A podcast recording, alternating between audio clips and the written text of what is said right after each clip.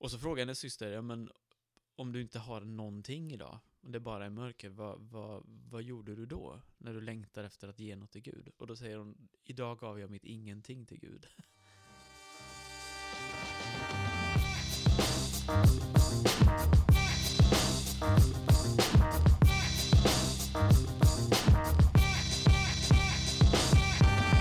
Hej och välkomna till Inför Söndag, en podd om kyrkoåret där vi brottas med, tröstas eller provoceras av söndagens texter. För dig som ska predika eller för dig som ska lyssna. Jag heter Tobias Hadin och idag har jag med mig Kristoffer Lignell, präst och kommunikatör i EFS Syd. Du är också författare, skrivit en bra bok som heter Efter Kristus. Eh, den kan man läsa, eller hur? Ja, det Ja. kan man läsa. Ja. Och eh, förutom det så, det mesta man ser av dig i sociala medier, det är ju att du är ikonmålare. Ja, det stämmer. Hur kom du in på det? Jag vet inte.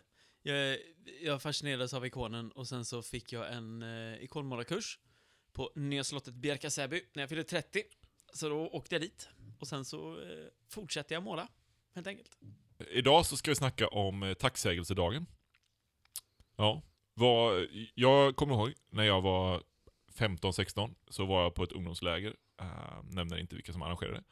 Och så är det några, kom det en ny kyrkomusiker äh, och sjöng äh, någon sång som hette någonting i stil med Elias dagar. Detta är Elias dagar! Och så var det liksom riktigt så profetiskt att Jesus kommer snart liksom. Och man bara, du vet hur det blir när man är där i karismatiska kretsar, det är god musik, tyckte man då. Det är någon himla trosrörelsesnubbe som ändå inte är trosrörelse, så att han är korser liksom.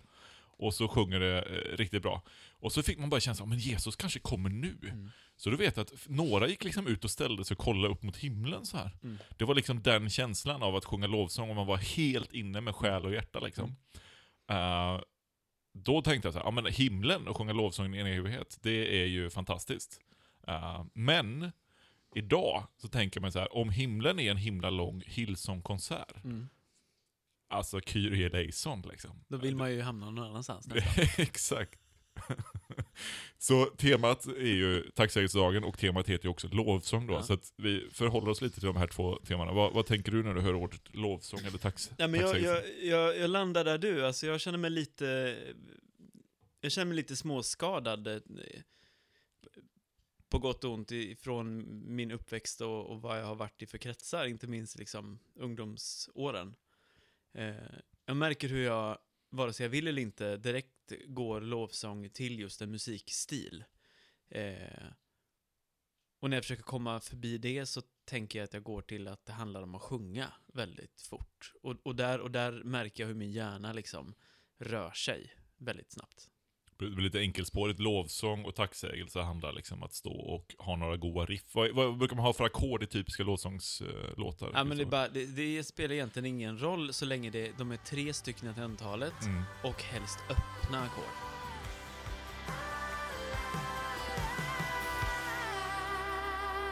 Då, då, då, då löser det sig. Nej, men jag, jag tycker det finns en spännande mix här emellan att å ena sidan säger man temat lovsång eh, och sen så säger man vad dagen heter, tacksägelsedagen, så känns det ju helt plötsligt som man är på 1700-talet någonstans. Där.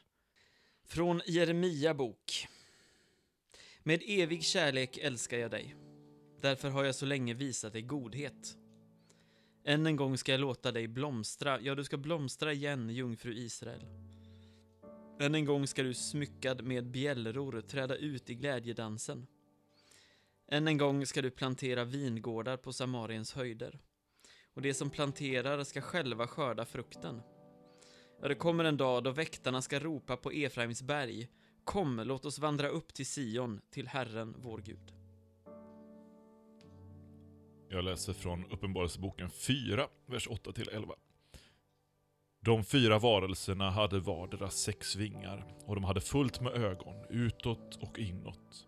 Utan att vila säger de dag och natt, Helig, helig, helig är Herren Gud, allhärskaren.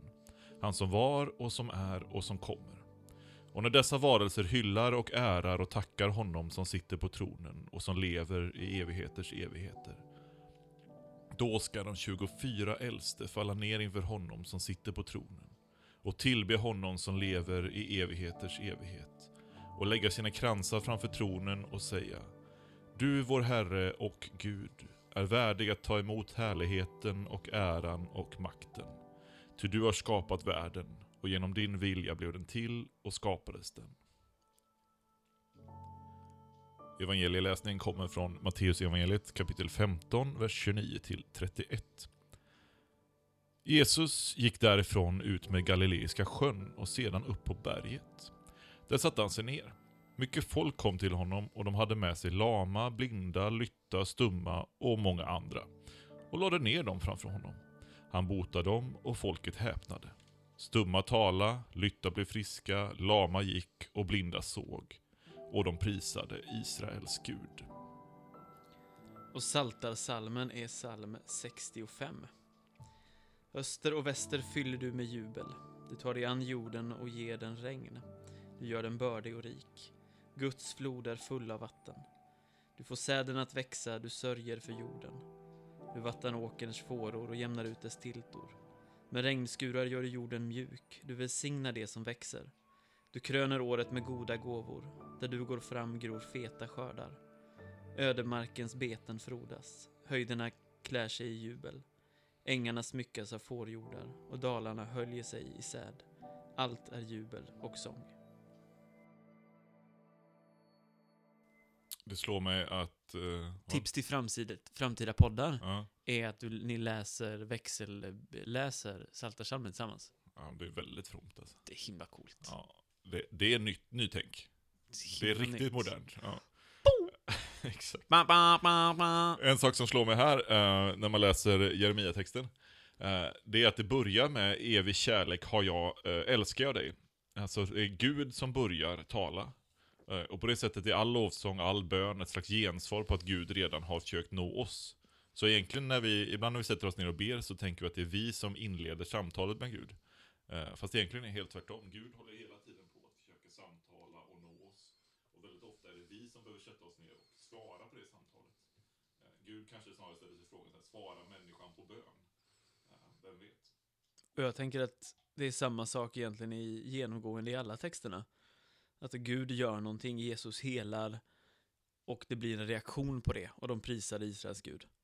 Eh, när, vi, när vi får hänga med upp i den himmelska gudstjänsten i Uppenbarelseboken så, så är det ju någonting som, som på ett sätt ständigt sker. Eh, men det är någonting som någonstans kommer ifrån Gud också. Gud har liksom så initiativet i, i alla texterna. Precis som du säger så blir lovsången ett gensvar på vad Gud gör.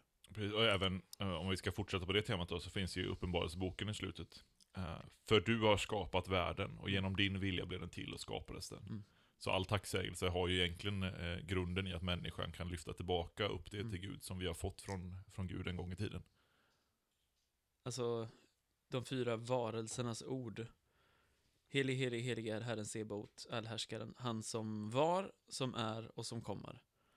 Att lovsången eller tacksägelsen, både ens egna, egna bön och också kyrkans bön, eh, rör sig kring de här olika tempelserna. Alltså vi tackar för vad Gud har gjort, vad Gud var, eh, vad Gud är, vad Gud gör just nu och tacksa, tacksägelsen och lovsången någonstans har som mål att försöka öppna våra ögon för vad Gud gör just nu. Att försöka se världen med Guds, på något vis, ljus. Och också så tackar vi Gud på något märkligt vis för vad Gud förhoppningsvis kommer att göra för oss i framtiden. Eller vad kyrkan tror och vet, eller Ja, vet i men- förhållande men till en precis. slags Ja. eskatologiskt Ja, vetande. exakt. Liksom. Mm.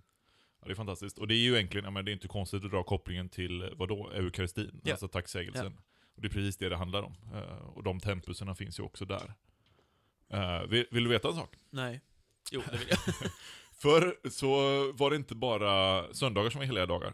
Nej. Nej, det var ju massa dagar under kyrkåret som också var heliga dagar Ja. och röda dagar och sånt där. Ja. Men, men med tiden har det liksom blivit att allting flyttas till en söndag. Ja, i vår kyrka. I Svenska vår, i kyrkan, vår ja. kyrka, precis.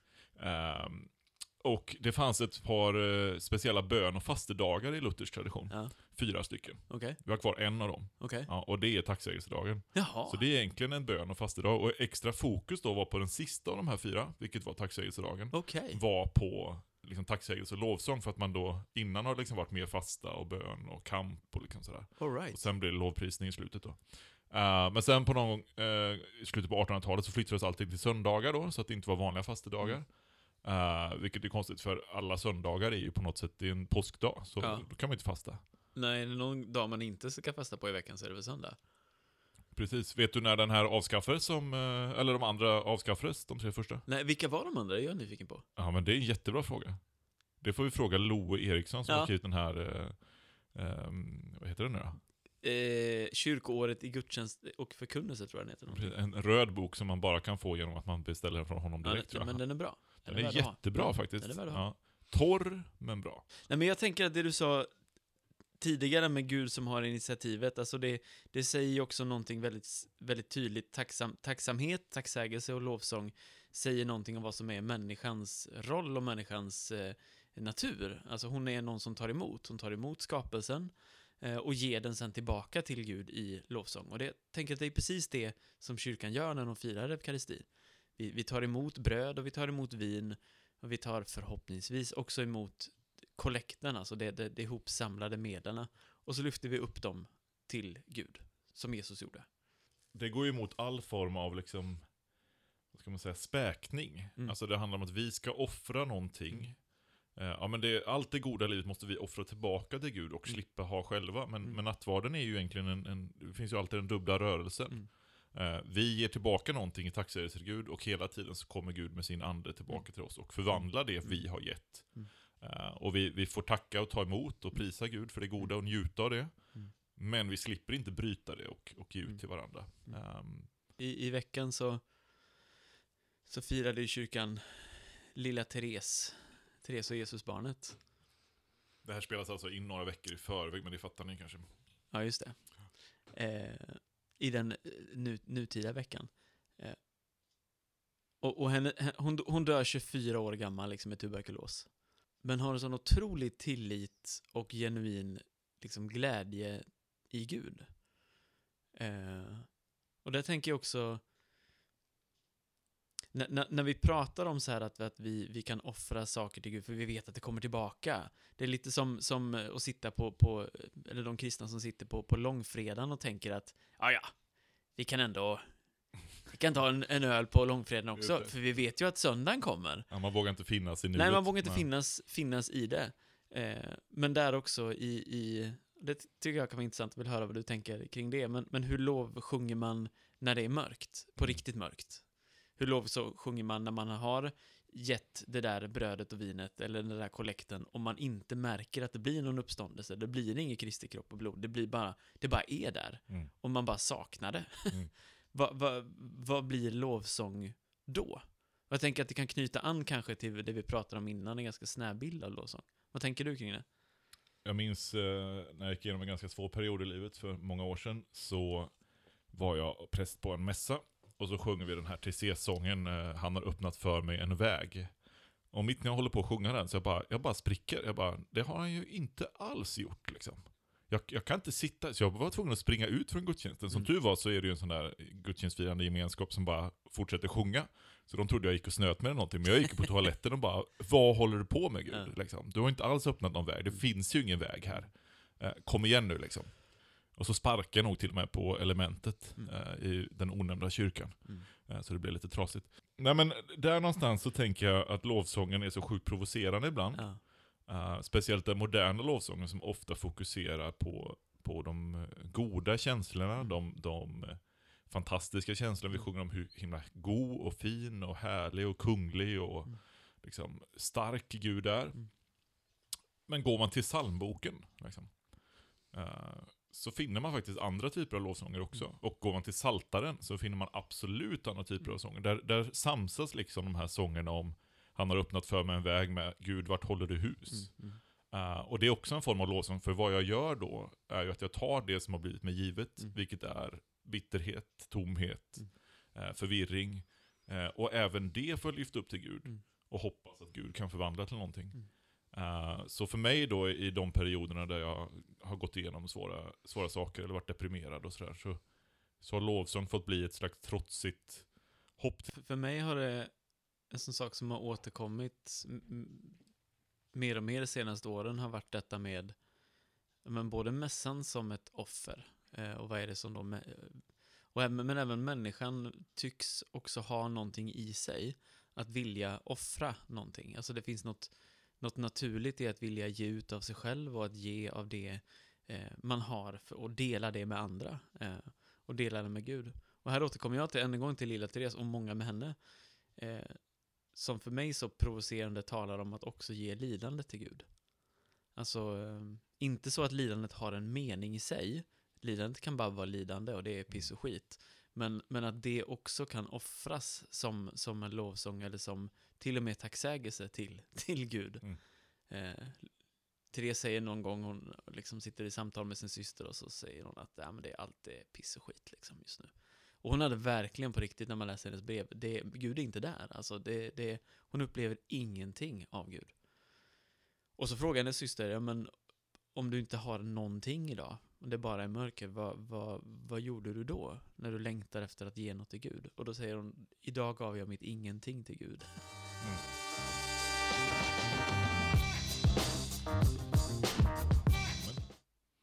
Vad, jag tänker på texternas innehåll lite här.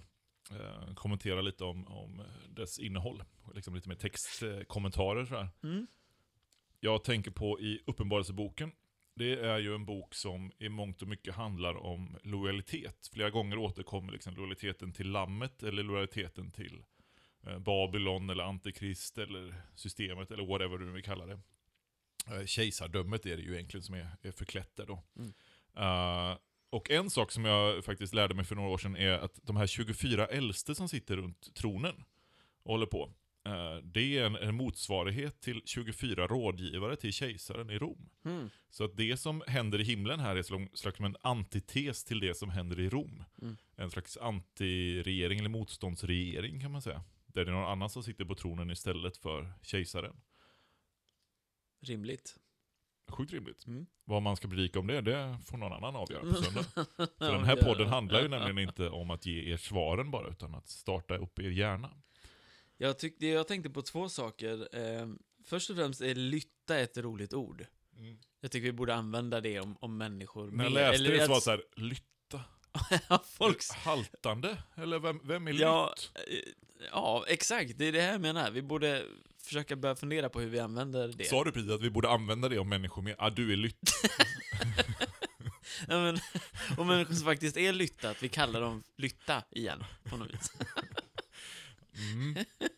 Det, var väldigt, det var det jag tänkte jag på. Och sen tänkte jag på att det, att det någonstans eh, i alla de här texterna, just den här årgången, nästan alla i alla fall, eh, så finns det här temat av helande med. Det finns med i, i, i Jeremia-texten, eh, att någonting ska upprättas, någonting ska helas. Eh, det finns med i, såklart, evangelietexten, inte så tydligt i episteltexten, men eh, även tydligt i Saltasalmen och hur det påverkar inte bara människor utan det påverkar hela jorden. Eh, alltså, du ska plantera vingårdar, det ska växa i, i GT-texten, Jesus hela människor i, i evangelietexten och salta salmen Eh, du tar dig an jorden och ger den regn, du gör den bördig och rik, du får säden att växa. Eh, det finns någonting med, med tacksägelsen och lovsången som eh, som liksom berör inte bara mitt inre eller mina, mitt känsloliv eller utan det berör faktiskt hela naturen, skapelsen, kroppar och det tycker jag var intressant.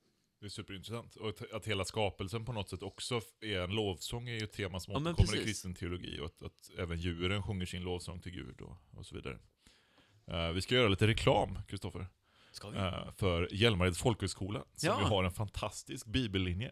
Som just nu har några platser över för höstterminen. Ganska många Wow. faktiskt. Och även till våren kommer göra en liten nysatsning där man kan komma in ehm, och läsa bibelskola en halv termin, nej en hel termin, alltså ett halvt år. Så var ligger Hjälmareds Det bibelskola? ligger i Alingsås, eller utanför Alingsås då. Eh, och där finns också internat om det skulle vara så.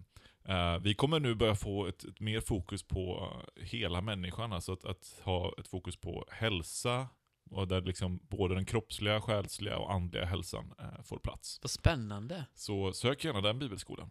www.hjälmared.se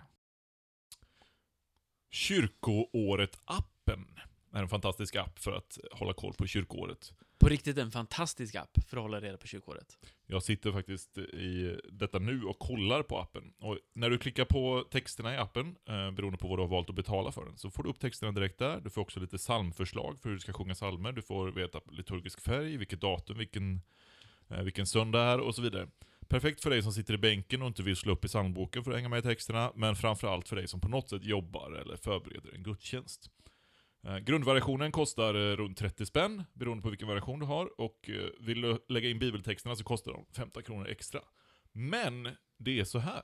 Jag har fått några gratiskoder till podden inför söndag av kyrkoåret-appen som jag kan dela med mig av. Det du behöver göra då är att gå in på facebook.com inforsundag. Och där klickar du på like eller gilla beroende på vad du har för språk inställt. Och sen så går du och skriver ett litet inlägg på din sida. Blablabla. Jag gillar den här nya podden med Tobias Hadin och just nu Kristoffer Lignell. Eh, och andra gäster som kommer komma. Eh, och så länkar du antingen då till Facebook-sidan eller till ett poddavsnitt. Eh, och då ser jag det så småningom. Och kommer lotta ut de här gratiskoderna bland de som har gjort detta. Vi pratade innan om tacksägelse och tacksamhet. Eh, jag tänker att i den här andliga övningen examen, mm. så går man ju igenom dagen och ser tillbaka på den med lite olika frågor beroende på vilken variation man använder. Är det någonting du har någon erfarenhet av? Eh, ja, jag har inte kommit in eh, och har det inte som en, som en regelbunden rytm att göra examen, men det hade ju varit något. Jag tänker att det är lätt att det blir, när man pratar om tacksamhet, att man ska på något vis sminka över att man egentligen mår piss och skit och att man egentligen är besviken för saker och ting.